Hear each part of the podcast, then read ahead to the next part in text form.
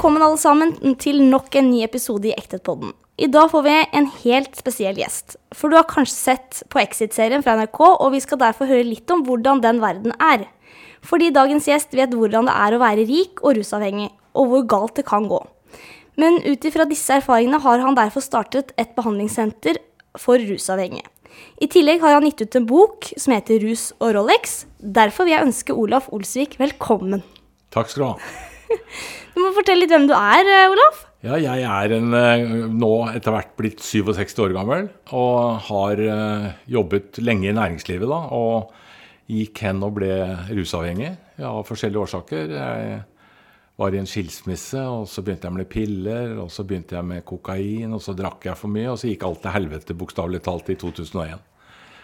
Eh, og da kom jeg i behandling. Og så nå har jeg vært rusfri i over 20 år. Og etter at jeg ble rusfri, så har jeg startet sammen med kona mi Margit og sønnen min André. Så har vi starta rusklinikk. Vi har en på Bolkesjø, Mestringshusene på Bolkesjø. Og så har vi en på Tysnes, Mestringshusene på Tysnes. Og vi jobber da under en ordning som heter Fritt behandlingsvalg med rus og psykiatri.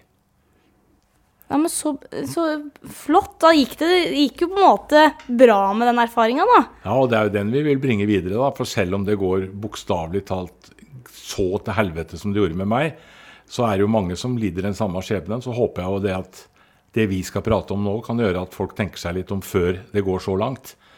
Altså det, gjelder så det gjelder på en måte å, å, komme så tidlig som mulig i behandling. Altså Det gjelder å komme så tidlig som mulig for seint, for alle kommer for seint. Så det er bra at, vi, at, det er fokus på sånne ting, altså en sånn podkast som du driver. da. Ja, men så bra, for eh, mange lurer sikkert på hvordan har jeg har tenkt på å ha deg som gjest. Men eh, jeg er jo lærling i Fjell- og bergverksfaget. Ja. Og da var vi på sånn her eh, lærlingssamling i Tønsberg Det var i høst, vel? Nei, på, i våres. I våres, ja. I våres, Og da hadde du foredrag. Ja. Eh, så jeg har jo også notert fra den. Se her, ja. Du har nesten flere A-sider. Yes fulgte med, for å si det sånn. Ja, ja, ja. Og så tenkte jeg at det hadde vært veldig kult å ha med deg, så til slutt så turte jeg å ta kontakt. Det var ikke farlig, det? Nei, det var ikke så farlig. Det var ganske ålreit. og så har jeg også tenkt når jeg har jobba har vært på en del brakker nå. Brakkeliv. Og da ser jeg at det er mye rus og alkohol. Ja. så derfor syns jeg det er veldig viktig å ta opp det. For at eh, når man er i en anleggsbransje så driver med såpass store maskiner eh, og sprengstoff og mye litt, så kanskje litt farlige ting, kan man kanskje si. Og da er det litt viktig å være 100 til stede. Ja. Ellers så kan det gå veldig gærent. Og da er det jo viktig at dere som firma har en skikkelig policy, da. Ja, vi har det, vet du. Ja, det så at alle skal høre det her. Ja, ja, riktig. så derfor vil jeg ta opp det. Og jeg tenker det er viktig å ta det, fint å ta det opp med deg, da. Ja. Som har så mye erfaring. Ja. Um, og så har jeg jo også, når jeg søkte opp og leste og sånt, så har jeg også stå, sett at du har, kjenner deg igjen i den derre Exit-serien. For den er det jo mange som liker å se. Ja da.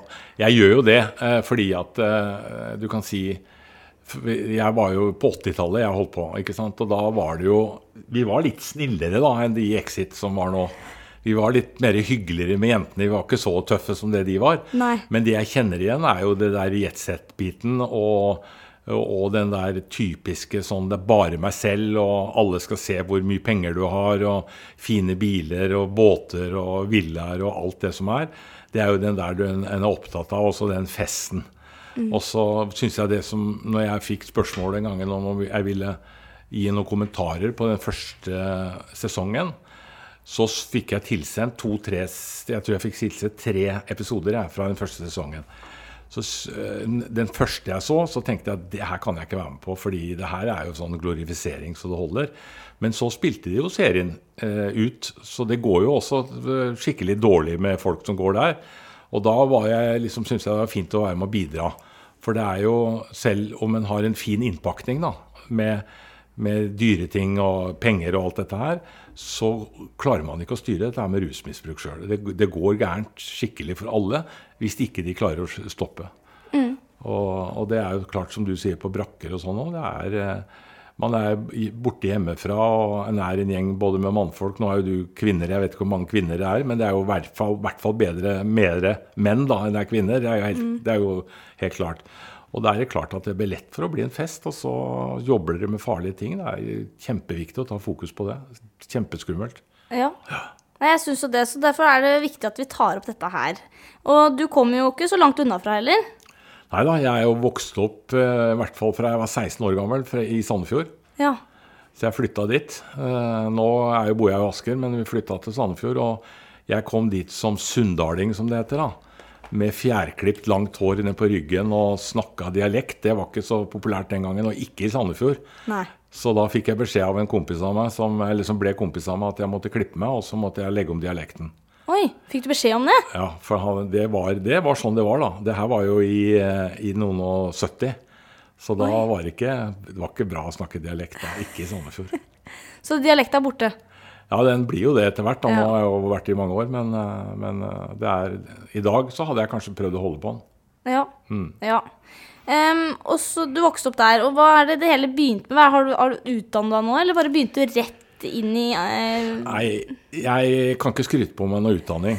Jeg har eh, ti år på, på ti år i skole, og så har jeg to år på handelsskolen. Og så begynte jeg å jobbe i, som selger når jeg så vidt hadde fått førerkort. Og så jobba jeg med Det gikk greit, jeg hadde jo litt talent for det. Og så begynte jeg, kom jeg i kontakt med tekstilbransjen. Og så syntes jeg det var spennende, da, fordi jeg var jævlig opptatt av ja, at folk skulle synes jeg var en, litt av en kar. Og det trodde jeg de bedømte etter eh, hvor, eh, hva jeg tjente, og hva jeg kjørte, og hva jeg dreiv med. Så det med klær det hørtes spennende ut. Og så utvikla det seg da, til å bli ganske stort. Så jeg begynte å reise til Østen og produsere klær. Og produserte for de store kjedene og gjorde det veldig bra. Men så kom jeg jo da på, på midten av 80-tallet, hvor jeg kom i en skilsmisse. Og i min familie så er det jo sånn at eh, der jeg vokste opp, så er jeg vokst opp med to foreldre som er, som er eh, vokst opp under krigen. Og de har lært seg å holde kjeft. Så hjemme hos oss så snakka vi aldri om følelser. Nei. Vi snakka bare om eh, når det gikk bra, eller hvordan har du det, og ja, alle de tinga. Og jeg prøvde Når jeg var yngre, så drev jeg idrett. Jeg drev med langrenn, og drev det ganske bra der. Eh, Så flytta vi til Sandefjord, og da var noe, da var det ikke noe miljø for det. Så, så da ble det ikke det. Men jeg husker under oppveksten at eh, når jeg var lei meg, så var det liksom å ta deg sammen, jobb mer og eh, det her går fint. Det var liksom ikke noe sånn skal vi snakke om det og ikke. Så når jeg kom i skilsmissen og oppdaga at jeg syntes jeg hadde gjort en kjempetabbe med å gå hen og skulle skille meg, så had, turte jeg ikke si det til noen. Jeg bare drakk, og ikke noe sånn som Per i dag så jobber jeg profesjonelt med dette her, så jeg kan ikke defineres som alkoholiker. Men jeg brukte jo alkohol eh, som, eh, som eh, middel til å glemme, da. Og så utvikla det seg videre, og så begynte jeg med piller. For jeg begynte å bli deprimert. Så gikk jeg til legen, og så sier legen at du er nok lett deprimert, sånn. Og depresjon var for meg den gangen folk som var gamle eller har blitt misbrukt eller et eller annet sånt. Jeg kan mye om det i dag, da, men, men den gangen så visste jeg ikke noe om det. Men jeg skjønner at jeg var det. Så fikk jeg tabletter, og det hjalp.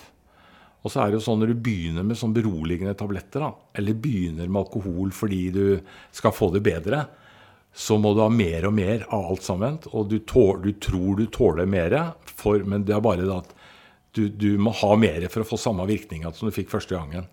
Så jeg utvikla ikke et stort pillemisbruk eh, samtidig med alkohol. da.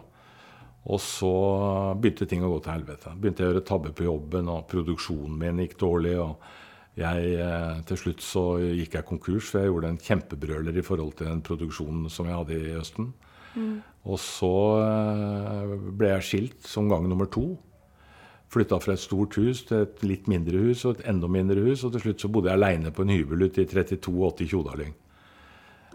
Og der bodde jeg da, og eh, det var nok noen som visste jeg bodde der, men da var jeg sånn av og på på jobb. Jeg klarte å holde jobben noenlunde. Og så eh, holdt jeg på med det en eh, god stund. Og så kjøre frem og tilbake til Oslo, og det var jo helt kaos. Så begynte jeg å skjønne det, da, egentlig, at uh, dette her kom ikke til å holde lenge. Så er det rart når du begynner å ruse deg, så, så går det jo ikke fra den ene dagen til den andre til helvete, men du begynner, og så syns du du har det fint hele veien, og så begynner du å gå nedover, og den nedturen, den merker du ikke. Den klarer du ikke å følge med på, altså selv om det går noen år. Sånn at uh, når jeg først var helt på trynet, så klarte jeg ikke å henge med. Men uh, jeg satt ute i Tjodalyng der og syntes synd på meg sjøl hele tida. Ikke de jeg hadde lurt med penger, og ikke de jeg hadde svindla for penger, og ikke familien min og ikke sønnen min. Jeg syns bare synd på Olav Olsvik. Ja. Han stakkars mann, tenkte jeg. Det er jo ikke rart du ruser deg. Alle er jo så fæle med deg. Til og med huseieren begynte å mase om at han ville ha penger for husleia. Da syntes jeg det var ille. Ja. Så det var liksom en kort, kort karriere, da. Det er sånn det går. Det var sånn det gikk. Ja, det er sånn det gikk. Uff. Det er jo Når jeg sitter og hører på det, så er det liksom, Man får jo vondt av det. Ja da, men det, det er jo fint. det. Nå, nå er det gudskjelov over, da. Ja. Ja. ja, du er over det nå. ja. Ja. Um, og, og sånn kan det jo gå med alle. Det kan det. Eh, selv om man kanskje ikke har vært rik og helt der oppe, så kan du likevel eh, gå nedover uansett hvem jobb du er i. Ja, det gjør jo det uansett. For uansett hvor intelligent eller, eller stor utdanning du har, eller hvem du er, når rusmidlene får overtaket, så er det ingen som klarer å styre det. Og det er, det er akkurat Og det merker du ikke heller. Så det å begynne å ruse seg eller drikke for mye og tror det skal gå over av seg sjøl, det er en dårlig løsning. Det er eh, på en måte, Da må du be om hjelp, og det er masse hjelp å få. Så han må jo eh, be om hjelp. Og særlig dere, da, som tydeligvis setter fokus på det. Så er det jo eh, tørre å snakke åpent om at dette her ser ikke noe særlig bra ut. Jeg trenger hjelp. Så, så er jo det en stor mulighet. Ja, Men så snakka du om at du syns det er vanskelig å prate om følelser. Ja. Eh, og det tror jeg er litt når det gjelder generelt gutter. Det er. Mannfolk. Og anleggsbransjen er masse mannfolk. Ja, Og veldig skal- mannfolk. veldig. Og de skal ikke prate. Nei. Det skal helst bare være rør da, når de først prater. Ja. Og hvis, å, hvis jeg spør om noe seriøst, eller liksom åssen har du virkelig, og sånt, da er det sånn Nei, det vil jeg ikke snakke om. Nei. Nei, fordi at de er ikke vant til å snakke om det. Altså, det er jo ikke, nå, nå skal vi jo ikke nå passe på at vi ikke bare sier det er mannfolk. Det er Nei. altså, men hos dere så er det jo mye mannfolk. Og det er klart at eh, det er jo den der tøffe sjargongen mellom kollegaer. Og det er den der kanskje å beskytte hvis nå vi to er kollegaer, da, så er du fyllesyk og klarer ikke helt å gå på jobben. Og så kommer sjefen og spør hvor er, hvor er du hen? Så sier jeg nei, jeg var ikke helt i formen da. Men jeg sier ikke hva det er. Så tror de at, så tror jeg at jeg hjelper deg. Men i virkeligheten så gjør jeg jo ikke det. For jeg gir deg muligheten til å fortsette. Sånn at du kan fuske med å drikke og kanskje ikke klare å gå på jobb eller klare å gjøre jobben din. Istedenfor å si at Karoline, dette her går faen ikke. Nå er vi nødt til å ta en prat med, med lederen din, for dette her, sånn kan du ikke fortsette. Hvis ikke du skjerper deg nå, så kommer jeg til å gjøre det. Det er å hjelpe når det gjelder den problematikken her. Og så prate om det. Ja. Ja, men- ja, men det er så riktig og fint. Og nå jobber jeg hvor jeg bor på brakke, og så jobber jeg med en, eh, en annen skytterbass. Ja. Eller en skytterbass. Eh, ja, jeg skal prøve i hvert fall å gjøre han anonym, da, sånn at han ikke Man merker at det er han. Ja. Men han er jo litt glad i alkohol, da, kan man si. Og i starten så eh, kan vi si at det var litt plunder om morgenen. Ja. Noen morgener. Og jeg eh, sier ifra, Mm. vil jeg si. Og første gangen så møtte jo ikke han opp, da, og jeg satt og venta, og så tenkte jeg gud hvor blir det av det der greiene? Mm. Gikk jeg inn til resepsjonen, jeg visste jo ikke hvilket rom han hadde på det hotellet, så jeg måtte jo høre, få høre meg hvor han var, da, så fikk jeg vekten, da. Og han var jo selvfølgelig da bakfull. Ja. Og jeg sinna, og så sa jeg at hvis du gjør det her en gang til, så kjører jeg fra deg. Ja. Og for å bli her. Ja. Jeg gjør det. Ja. Og han trodde sikkert at jeg bare sa det for at jeg Ja, han trodde sikkert ikke helt på meg, da. Nei. At jeg kom til å gjøre det. Han gjorde det en gang til, Ja. og jeg kjørte fram. ja. Hva sa han da? Nei, altså jeg ordna meg sjøl på lager og begynte å bore og ordna sånn, så ringte han sånn rundt ni-draget, tror jeg. Mm. Og lurte på hvor jeg var, og at han hadde sovna fra telefonen og sånt. Så sa jeg ja, men eh, jeg er på jobb, jeg. For vi begynner sju. Ja. Eh, Og jeg sa at jeg kjørte, og jeg gjorde det. Ja. Så det merka han. Ja. Så etter det så var det jo Da skjønte han at uh, hun gjør det hun i hvert fall jeg, Ja. Altså så hvis det blir en tredje gang, og da sier jeg ifra, og så sier jeg at nå, det her kan ikke jeg være med på. Nei, det er flott. Men det er riktig måten. Det er jo for å hjelpe han. Ja, det er jo det. Han syns jo det er dritt, ikke sant? Ja, ja. For at han føler at jeg blir den store stygge, og som ikke Ja. synes, tenker at ah, men faen, jeg må få lov til å feste litt sånn. Men ikke midt i arbeidsuka. Nei, for, for den som sier ifra, selv om det er i en familie, da, som har et eh, La oss si en, eh, en mann som ruser seg, da. Et ektepar og en mann som ruser seg. Og så er det ektefellen da, som sier ifra. Så blir det en drittkjerring eller en drittmann. Altså alltid den som sier ifra, blir. Men jeg blir, kan bli det fordi at man er ikke klar. Altså, hun, hun skjønner ingenting. Og, for du benekter hele tida som, som, rusmisbruker, da, eller som påbegynner misbruker og misbruker, så benekter du. Altså, det, Du har feil, vet du. Det er ikke riktig. Det er ikke sånn det er. Du klarer å ljuge en sannhet i hodet på deg som ikke stemmer. Og Derfor så er det så viktig at noen sier ifra og sier hva du sier. Jeg ser at du, du, har jo faen ikke, du stiller jo ikke opp på jobben. Du er bakfull, og sånn kan vi ikke ha det. Så han tenker vel at det er ingen som ser det. Mm. Men, og da er det fint å si ifra. Det er å hjelpe det du gjorde der. Ja, så bra. Så da var jeg ikke, hadde Nei. jeg ikke, gjort det. Nei, Og så, skjønner jeg at han blir sur, ja. men det er ikke sikkert han er det i dag. Nei da, han er blid da. Så det, ja. Nei da, vi er ikke sånn sure på hverandre. Det gikk fint uh, videre. Men uh, sånt liker ikke jeg. Nei, Og det er bra. Uh, det er det verste jeg veit. Og nå er jo, hører jo De fleste hører jo på den podkasten her, så de veit jo at det er sånn nå, da. nå veit jeg at det er sånn. Ja. Så etter det så har det skjerpa seg veldig også. Men det er fortsatt nå er ikke han, men det er fortsatt litt sånn i det miljøet, da. Ja. Når man er borte og sånt. Ja. Og da de som hører på nå, vil jeg jo si til deg at men ikke tør si Hvis en merker sjøl at, at, at, du har et problem, mm. så tør å spørre om hjelp. Da. Om det ikke er til kollegaen din, så prøv å finne ut. For det er muligheten til å ta en telefon til noen og ringe og snakke om det. Eller de fleste kjenner jo noen som enten har et problem, eller uh, som har hatt, mm. og ta en prat om det. Fordi det er kanskje ikke så mye som skal til. Men når ting baller på seg, når man begynner å ljuge og forskudd på jobben og gjør tabber på jobben, og det skyldes fest og, og alle de tinga der, mm. så blir det verre og verre å tørre å stå ut i det. For konsekvensene blir jo større og større for hver gang. Absolutt. Så det er lurt å ta tak i det tidlig. Ja, det er det. Og så, prøver jeg da, nå, nå, har vi blitt veldig godt kjent, da, for nå har vi jobba såpass mange måneder sammen. Ja. Så jeg prøver noen ganger når vi sitter aleine, så prøver jeg å spørre liksom Åssen har du det? Ja. Egentlig. Og så sier jeg det er viktig å prate sammen. Ja. Så har han blitt mye mer åpen sånn, da. Ja, det ser du. Så det hjelper jo. Men det er trening. Det er veldig trening. Jeg tror det sitter langt inne noen ganger, det han sier. Ja, og det husker jo jeg jo, det at det der med å snakke om følelser, det, er, det skal For det var jo ikke det som var kult, da. Nei. Og da skal du trene på det. Og det som er det merkeligste, det er at det hjelper. Når du snakker om ting, så hjelper det jo. Du får letta på trøkket. Mm. Det er omtrent som å ha en brønn det, som er stappfull med løv. Som er helt tett med løv fra flere tiår. Og så tenker du at det løvet er følelser. da.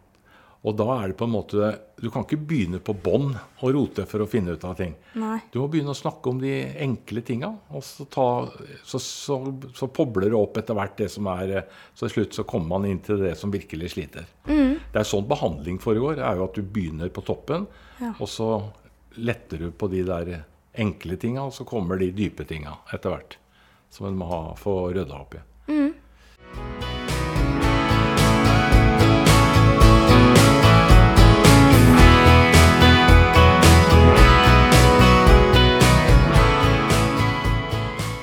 Jeg var jo, i, var jo, et år i behandling, og hadde jeg ikke vært det, så hadde jeg aldri fått det. For jeg måtte bruke lang tid på å lære meg å snakke om følelser. Ja. Ja, men det kan ta Det, som sier, det tar jo lang tid ja. hvis man ikke er vant til det. Det gjør det. Eh, og mange av dem som jeg da jobber med, det er liksom sånn veldig koselig og hyggelig. Og nei, det er ikke så farlig, det går Nei. bra, og ja, jeg bare liksom prater det bort sånn. Ja. Um, men ofte så har man kanskje ikke så bra inni seg, da. Nei, og, og dere bor på hotell og dere, ikke bare brakker? Ja, no, først var det hotell, nå er det brakker. Ja. Um, og da er det jo sånn på kveldene da når man slutter, ikke sant? Så sitter du alene der på den brakka, da. Ja, skjønner det. Eh, og da er jo ølboksen tjup, ja, eh, rett opp. Og så merker jeg på noen som er sånn De er, sånn, er så avhengig at de må være på butikken da før åtte ja. for å rekke det ølsalget. Ja. Tenk at du går og tenker på at det er det viktigste den dagen. Ja. Det er å rekke klokka åtte. Og, og, det folk tenker, skjønner du, det er at å være alkoholiker, da drikker du hver dag. Da drikker du fra morgenen til du legger deg omtrent. Da er du alkoholiker. Ja. Uh, og, og, jeg kan si jeg hadde en, en pasient, og han, uh, han, sa til meg at uh, jeg er nødt til å være alkoholiker, sa han. Fordi jeg drikker i helga. Jeg drikker fredag, lørdag og søndag. Og heller ikke sånn at jeg er, kan defineres som drita full, men jeg er påvirka. Men på mandag så begynner jeg å tenke på den øla eller den drinken jeg skal ha på fredagen. Ja. Og det tenker jeg på hele uka, og det ødelegger hverdagen min. Så jeg vil bort fra det. Og det er også alkoholisme. Ja, ikke sant? Det er ikke det at du, vi tror han alkoholikeren eller hun alkoholikerinnen da, for å bruke det, sitter i parken. Det gjør ikke det. Det er, De færreste er der. Mm. De færreste er sånne som jobber hos dere. Eller de fleste er sånne som jobber hos dere og klarer å komme seg på jobb. Mm. Og alle de tinga. Og så, og så, blir det litt dårligere og dårligere. Men det, er altså, for å si det sånn altså, Det er som kona mi sier, at en, en rusavhengig er til forveksling lik folk. da.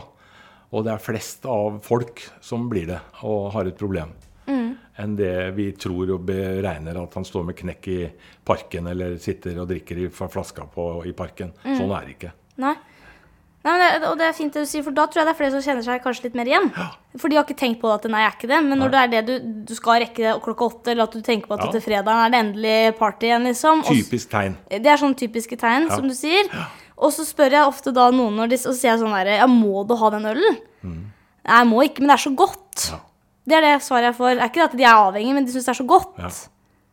Er det også et sånn typisk svar? Ja, det er jo helt typisk det. Og da kan du jo si at nå finnes jo mye veldig godt alkoholfritt øl. Ja. Det, og det sier jo de heavy øldrikkerne. Jeg kjenner jo et par av de. Og, og som prøver å be, som, som de ikke drikker alkohol hele uka. De drikker alkoholfri øl. Og sier at det smaker veldig veldig godt, den alkoholfrie ølen. ja. Og da kan du jo heller ta det. Men nei, det blir ikke det samme, da. Nei, det er det mange da Og da for du får jo ikke den rusen, selvfølgelig. Nei. Og det er kanskje det de leiter etter.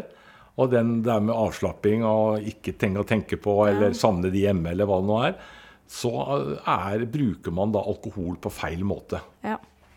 Fordi at da bruker den til medisin, og det er ikke en medisin. da. Nei.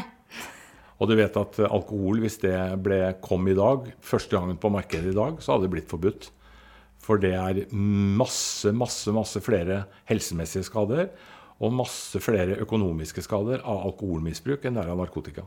Er det det? Ja, mye, mye mer.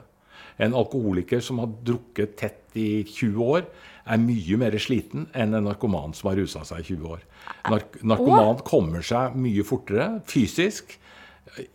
Ikke psykisk kanskje, men fysisk kommer det seg. Så tar du en 50 år gammel alkoholiker og en 50 år gammel narkoman som på en måte har vært like lenge rusfri, la oss si de har vært rusfri begge to da, i ti år, så ser narkomanen atskillig piggere ut enn alkoholikeren. Og hvorfor er det sånn? Nei, fordi at alkoholen tar eh, vanvittig på, på fysikken. Ja. Det går på lever, og det går på Folk blåser opp i ansiktet, og du blir fort gammel. Og det er fælt å si det, men damer som drikker mye da, når de er 50, kommer opp i 50-60-åra, blir pløsete og veldig gamle.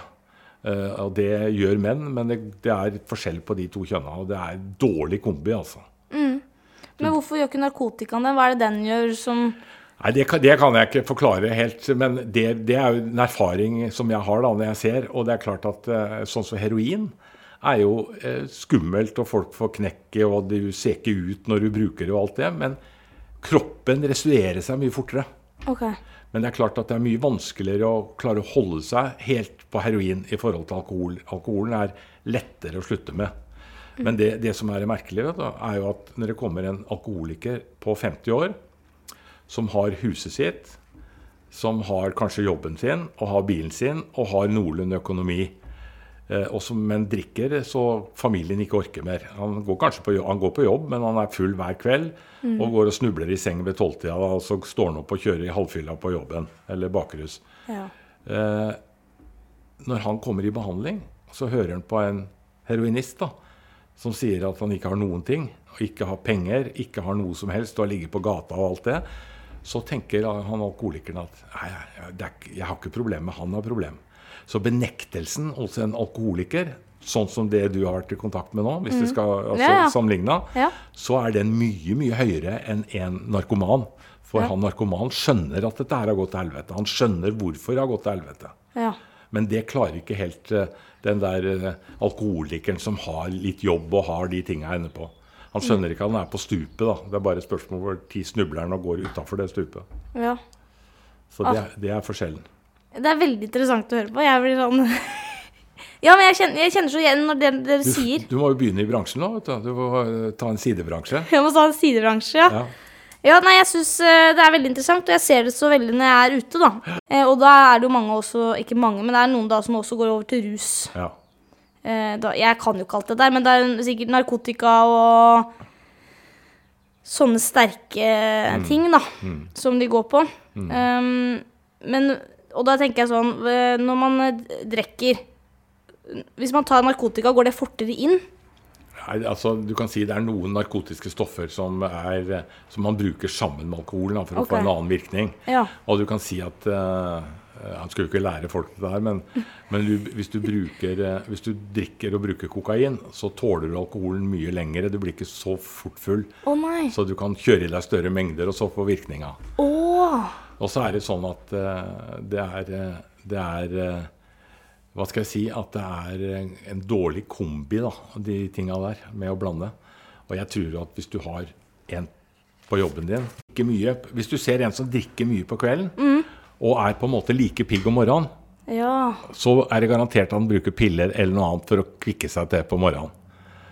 Og, og den kombinasjonen, og det fins nesten ikke rene alkoholikere lenger. De bruker enten piller eller noe lignende underveis da, på Ja. dagen når de ikke drikker. Og det er det som er faren, da, at de på en måte aldri er promillefri, eh, selv om de ikke drikker. For de bruker kanskje noe speed eller eh, noen piller eller noen sånne kombinasjoner. Så holder de på dagen, og så drikker de på kvelden. ja, men da skjønner jeg litt mer hvorfor de klarer å sette seg i graveren da klokka sju. Ja, akkurat. Men eh, da skulle du jo tatt en test, så kanskje ikke de burde sitte i en kraveren. Nei, de burde ikke det. For det er egentlig på noen masse, de store prosjektene så er det også sånn blåser. Ja. Men da er det som du sier, han ene vennen Ja, ja, ja. som er eh, oppegående, som går og blåser for alle. Det der er eh, det, Eller venn og venn, eller Ja, men det er jo sånn det er, og det vet vi jo. Ja, det er sånn det er. Og jeg har jo folk, jeg har jo noen som, eh, som er hos meg nå, som er fra, i anleggsbransjen, og han forteller jo akkurat det du sier. Han gjør det. Det er jo ikke noe problem å få noen til å blåse for seg. Nei, det er jo ikke det. Og, og da skjønner jeg hvorfor de klarer å jobbe dagen etterpå. Ja, ja. Den blandinga. For de Ja. drikker med en gang de slutter. Ja, ja. Eh, og du ser jo liksom litt på dem òg. Kommer der litt sånn slaskete. Riktig. Eh, er kanskje ikke akkurat nydusja. Du blir ikke så, det er ikke så farlig, det. Det Er ikke det så farlig? For at jeg hadde tenkt det faen lukter du ikke. Nei. Møkkete. Man blir møkkete, men likevel så går det an å ta nye klær da dagen etterpå og dusje. Ja, og... det gjør det. Det er nesten så ille at de bare kritter underbuksa. De, de skifter ikke. Og Nei. da kan du si at eh, det, du blir, det er hele tida det der suksessive forfallet. da. Først psykisk, og så blir det, eller fysisk, og så blir det psykisk, og så, er det, og så begynner du å ikke være så nøye med ting. og Det viktigste er å holde gjennom dagen, sånn at du kan få drikke om kvelden igjen.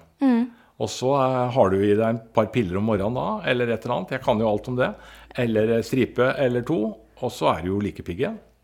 Helle, jeg skjønner ikke at det går. Men, eh, men, eh, men det er klart, til slutt så går det jo ikke. Nei. Og du sitter og gjør tabber da, på, i maskina og alt dette her, så kan det bli store konsekvenser. Ja. Og det blir jo for de selskapene også, fordi at eh, det har jo noe med forsikring å gjøre. Hvis folk sitter drita full og på, eller påvirka opp på setet og kjører maskin, så kan jo det være store konsekvenser både for den ene og den andre. Absolutt. Og det er klart at hvis det er noen som hører på nå som har kollegaer som de vet gjør det, så burde de eh, i hvert fall anonymt sende inn og si ifra. Fordi at det kan ødelegge arbeidsplassen og, og den personen og familien. Ja, jeg er helt enig. Og, og det at vi tar det opp, for jeg tenker på HMS, da. Ja. Det er jo helsesikkerhet og miljø. Ja, Eh, og de er jo veldig opp Når de tenker HMS, så er det mange som tenker litt sånn helvetes masse styr. Det er hjelm og Det er hjelm og Ja, hansker ja, hele tida. ja. Og tenker ikke på hva du skal bruke det. Du skal bare gå med det som en sånn der robot, bare, bare alle skal være like. Ja, Så det er det vi tenker på. Det er det viktigste er å ha på den hjelmen, og så vernesko, og så helst langbukse og langarma genser, selv om det er 30 varmegrader. Bare ha på det, liksom. ja. Eh, og jeg tenker at HMS-en burde kanskje ha litt mer fokus på akkurat det der med alkohol og rus. ja det er jo, det For det er jo der det begynner. kjempeviktige ting. Og det er jo ting som en må ha både i kontrakter og alt mulig. Jeg jobber jo for, eh, en del selskaper som trenger hjelp til de tinga.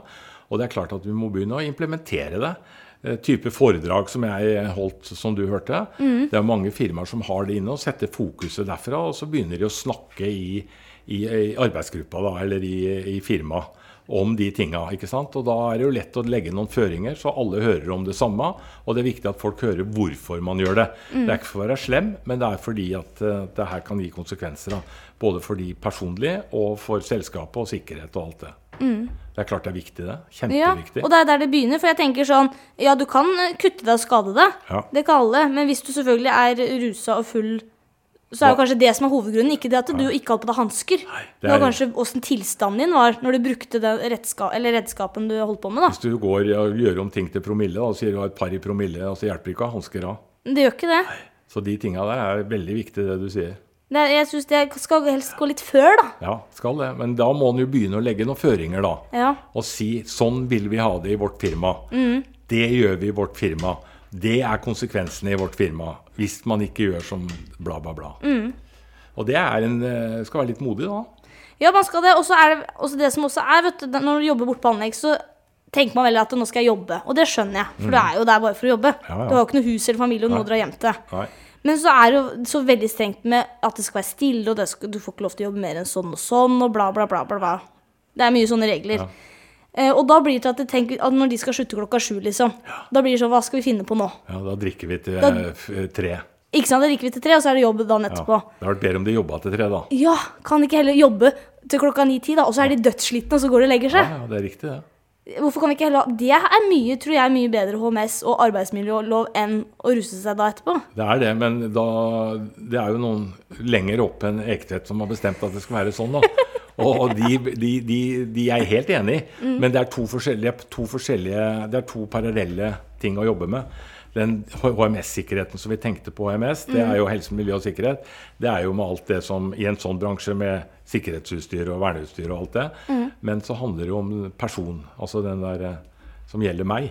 Og det handler om hvordan jeg lever, hvor mange timer jeg sover og Ja. ikke bruker alkohol på jobb og er uthvilt når jeg går på jobb. og da er det jo en del sånne hensyn som skal tas, og ikke bruke medisiner med rød trekant eller bruke illegale medisiner, narkotika og alt det. Så, så det er en del ting å ta tak i. Det er det, og for jeg i hvert fall tenker sånn at det er mye bedre å heller jobbe litt seinere, da mandag, tirsdag og onsdag. Ja. Da er de tre dager de kan heller jobbe ordentlig, og så slipper du å tenke på alkohol, for da er de slitne. Ja. Og torsdag etter jobb så drar du jo hjem. ja, så Og så finnes det jo noen som 14 dager på 14 dager av og sånt. Ja, sånn, det, det kommer litt an på. Det kommer an på. Eh, men det er i hvert fall mitt lille forslag til det. Ja, Det er jeg helt enig med deg, og det burde du få gjennom og, og legge en føring for at dere har noen, at dere har noen retningslinjer. Ja, de, de, det som er med litt sånne gutter, de er ofte litt rastløse og vil finne på ting, ikke sant? Ja, Da får du heller bruke energien litt på jobb, da, og så Det er lurt. istedenfor å finne på mye rart på brakka. Så da er det, da er det lett for at det kan bli fest. Jeg ser den. Ja, det er det. Eh, men jeg tenkte jeg skulle prate også om Du har jo skrevet bok Ja. Eh, som heter 'Rus og Rolex'. Mm. Og der skriver du litt om deg, Mm. dine erfaringer, og hvordan du kom dit du er i dag, og åssen det blei. Mm. Eh, hva mer er det du hva, hva er det du sk skulle oppnå med den boka? Nei, det er jo det, det var jo Først og fremst så var jo det fordi at jeg hadde lyst til å fortelle historia mi sånn og prøve å hjelpe andre. Eh, og jeg hadde lyst til å sette fokus på det, fordi at når jeg ga ut den boka i 2009, så var det ikke så mange som hadde stått fram og skrevet ei bok om det. Det var som regel eh, Du vet, i gamle dager eh, Nå er jo du så ung, men når jeg gikk på skolen, når jeg, når jeg var på ungdomsskolen f.eks., så skulle de sette sånn varsku om narkotika. da. Og Da kom de med en som stort sett var lam fra halsen og ned. da, og så sier det er sånn du blir når du bruker narkotika. Ja. Ja, For det var jo sånn det var, at folk har mista et bein eller skada. Det skulle se verst mulig ut. Det så, og det klarte jo ikke vi å assosiere oss med i det hele tatt.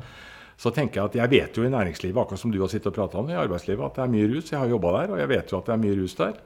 Og da hadde jeg lyst til å fortelle at jeg som forretningsmann, eller jeg som har jobba i næringslivet, hvordan vi fuska og brukte narkotika når vi holdt på der, og, og, og at, eh, hvordan det gikk. Og så er det jo veldig mye av boka som går på gjenreisinga. Altså når ting hadde gått til helvete, og jeg måtte begynne å innse hvordan ting var, og hvordan jeg skulle komme meg ut av det og få et verdig liv, da, eh, som jeg har fått. Og du skal betale tilbake gjeld, og du skal ordne opp for deg, og du skal be om unnskyldninger og alt det. Så det er en del ting i den boka. Og så er det jo en annen ting. er jo at eh, Jeg har jo lært meg sjøl å kjenne, så jeg vet jo jeg liker oppmerksomhet. Så det lå nok litt der òg at jeg kanskje fikk noe klopp på skuldra. At det var veldig bra, Olaf. Da fikk du den igjen. Ja, riktig. Og det er klart at det helt sikkert lå noe der, men det ser jeg jo i etterkant. Og så er jeg ikke så sikker på at om jeg hadde gitt ut boka hvis jeg vet det jeg vet i dag. Nei. Fordi eh, det er i, veldig mange som eh, Jeg har fått mange hva skal jeg si da, ufine ting i etterkant av den boka. Liksom, Ikke av folk som egentlig kunne ha noe å si, men det er litt misunnelse. Altså at uh, de legger ut rykter om ting og tang og uh, sånne ting. Og det har vært litt sånn familiært, litt sånn vanskelig i perioder. Men det har ikke vært på mange år, men det var det i begynnelsen. Ja. Når vi hadde folk som var i behandling bl.a., og så av en eller annen grunn så kanskje de måtte skrives ut av behandlinga, for de rusa seg på behandlinga. Og så begynte de å true da, og ta ting fra den boka. Og, og jeg hadde jo myndighetene i mange år etter meg, jeg. For de har jo skrevet en bok hvor jeg har fortalt jeg har drevet med svindel og alt mulig Ja. sånt. nå. Og det var jeg jo forberedt på. Men, men en må, må vite hva en gjør. Og du vet, en rusavhengig i dag også har veldig lyst til å fortelle alle at nå har jeg vært rusfri i tre måneder, nå klarer jeg meg, dette her blir fint, og jeg vil ha tilgivelse av hele familien. Men det tar lang tid, altså. Ja. Det er viktig å vite hva du gjør når du står fram med en historie som er såpass heavy som den jeg har. Så må du vite hva du gjør, fordi det blir noen konsekvenser rundt det av min nærmeste familie. eh, Og alle disse her som må forholde seg til det. da. Jeg syns det er veldig fint å skrive, og jeg tenker at det, kanskje jeg heller skal lese den eh, på kvelden istedenfor å drikke øl. Men eh, ja, og jeg får senest her ja, La oss si tre uker siden, så var det en som ringte meg fra Ullernsmo. Som var på, bevar, Hva heter det? Han var på bevaring. Altså si at han har fått så mange dommer. Og han ringte, da har han lest Rus og Rolex, for den hadde de på biblioteket der oppe. Så sa han det at det inspirerte meg til å søke hjelp. For det har jeg hørt før. Så han eh, er nok på vei ut snart, og han kommer til å søke seg i behandling da. Så bra. Og, og det er jo det jeg håper. Og jeg hører jo mange som eh, Det er mange sånne tilbakemeldinger som jeg gjør. Har fått veldig mange. Og det gjør jo at det er inspirerende å, å fortsette å, å, å snakke om historia mi. Sånn som jeg gjør hos, hos dere. Og det å snakke det til dere, det gjør jo at vi to sitter og prater her nå. Og som gjør at flere får høre det. Ja, og det er så viktig. Ja.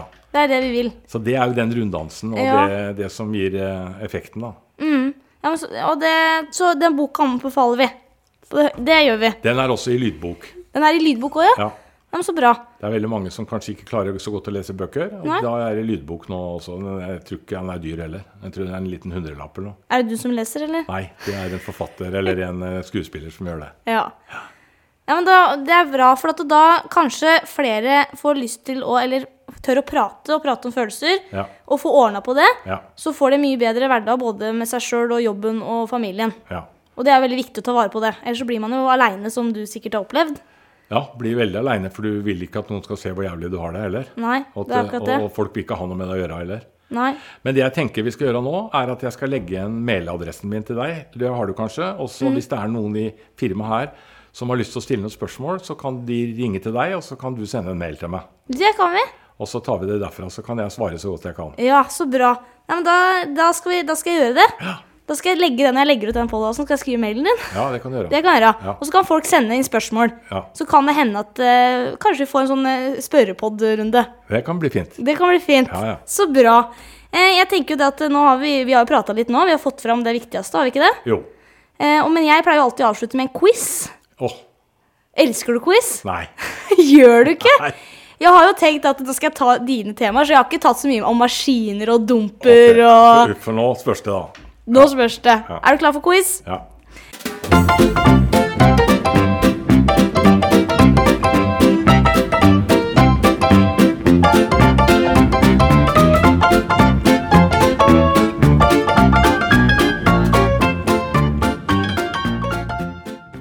Da har vi spørsmål én. Hva er rusmiddel? Et rusmiddel er eh, noe som på en måte eh, gjør at sinnet ditt endrer seg. Det kan godt være en uskyldig sovetablett, men det er noe som gjør at sinnet ditt endrer seg, og du kan rus, eh, misbruke. Det er et rusmiddel. Ja, det er riktig. Det er det det står. Eh, Det står at rusmiddel er en Det står sånn fancy da. Psykiat... Hva sto det? Psykoaktiv stoffer. Ja, og jeg Ja. kan ikke fremmedord, så Nei, det, ikke- det går ikke hos meg. Nei, jeg bare tenkte jeg skulle virke litt sånn Ja, proff. ja, skjønner ja, du? det var Sånn. Men den forandrer sansen, ja. Ja. Eh, spørsmål to. Hva er forskjellen på narkotika og legemidler?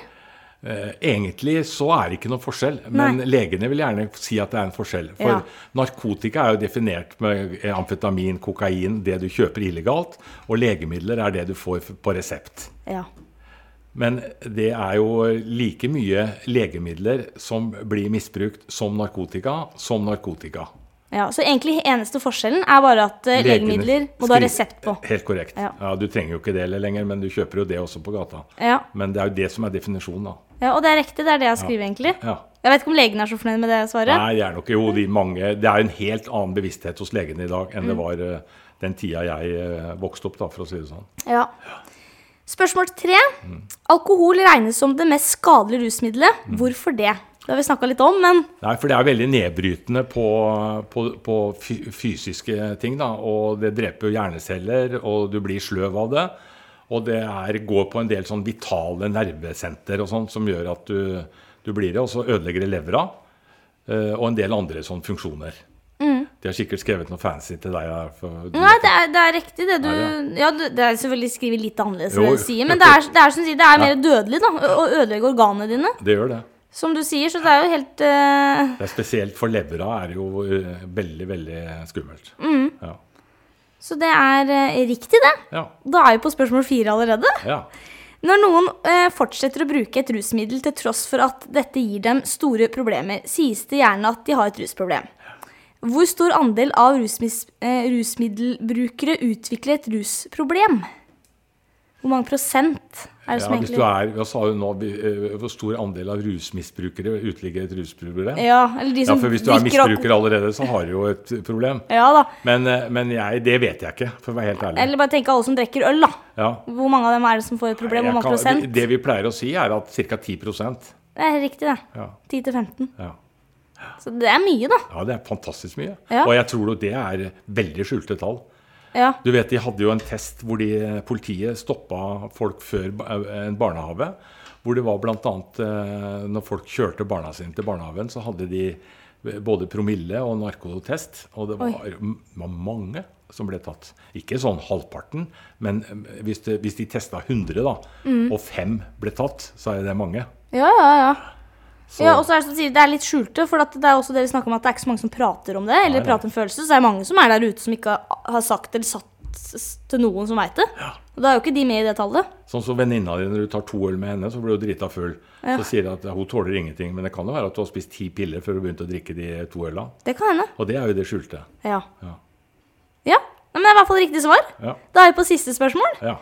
Hvor mye promille skal til før man opplever dårligere syn og svakere evne til å fokusere? Hvor mye skal man ha promille da? Nei, jeg, jeg tror sånn eh, fra 0, 0,567 til eh, halvannen eller noe sånt rundt der. Det sto faktisk på det der Helse-Norge, eller så sto fra når allerede er 0,2. Ok. Ja. Så kan du begynne å oppleve det. ja. Det, det, er, det skal ikke mye til. Da burde jeg vært blind, jeg, da. Nei da, men det gjør nok Nei, det skal ikke det. Og det kommer an på hva du er vant til og ikke. Og jeg Ja. tenker at eh, Ja, men jeg tenker det. Det er riktig, det. Ja, for jeg, jeg tenkte det var litt viktig spørsmål. Sånn, Og, og kjempeviktig at du får det svaret at, det er, at de har kommet fram i forskning at det er 0,2. Mm. For da kan folk tenke seg om. Det skal ikke mye til, da. Nei, det, det skal, det, grunnen til at det, det er så lite tall òg, Ja. er jo det at du allerede da så Du merker jo ikke det sjøl, men du nei. kan allerede begynne at du er ikke rask nok til å Nei. reagere hvis du kjører, f.eks. Nei, sånne ting. Og det er litt viktig å få med i hvert fall i anleggsbransjen når du setter deg i en graver. da. Ja, veldig. At uh, Hvis du bare har tatt én øl eller to, så kan du fortsatt allerede da kan du begynne å svekke. liksom. Helt klart, og det der er helt sikkert forskningsbasert, så det er riktig. Og det Ja, det er veldig det. Ja, det er bra. Så det var alle spørsmål, men du klarte jo fire av fem. Jeg gjorde det. Jeg Jeg bomma litt på det siste, da. Ja, men uh, det er jo bra. Ja, det er bra. Jeg vil si at du er nesten ekspert på russ. Ja, Vi kan nesten si det. Så bra. Har du noe mer på hjertet før vi avslutter denne fine podkastepisoden? Jeg håper bare at alle som har hørt på, tenker seg om, og så be om hjelp. Og nå har de jo muligheten til å stille noen spørsmål. Ja, jeg skal skrive mailen din. Mm. Og ha en god sommer og prøve å ta vare på dere sjøl. Så bra. Det er veldig hyggelig. Og så vil jeg også si at det er de venner og kollegaer og familie rundt, at det er lov å si fra. Eller det er viktig å si fra. Det er det. Absolutt. Det hjelper det mer enn å dekke over det. Selv om de blir upopulære en stund, så tenk på at de kan være med å redde liv. Absolutt. Ja, men da ønsker vi alle en fantastisk dag videre, da. Fint. I like måte. Ha det.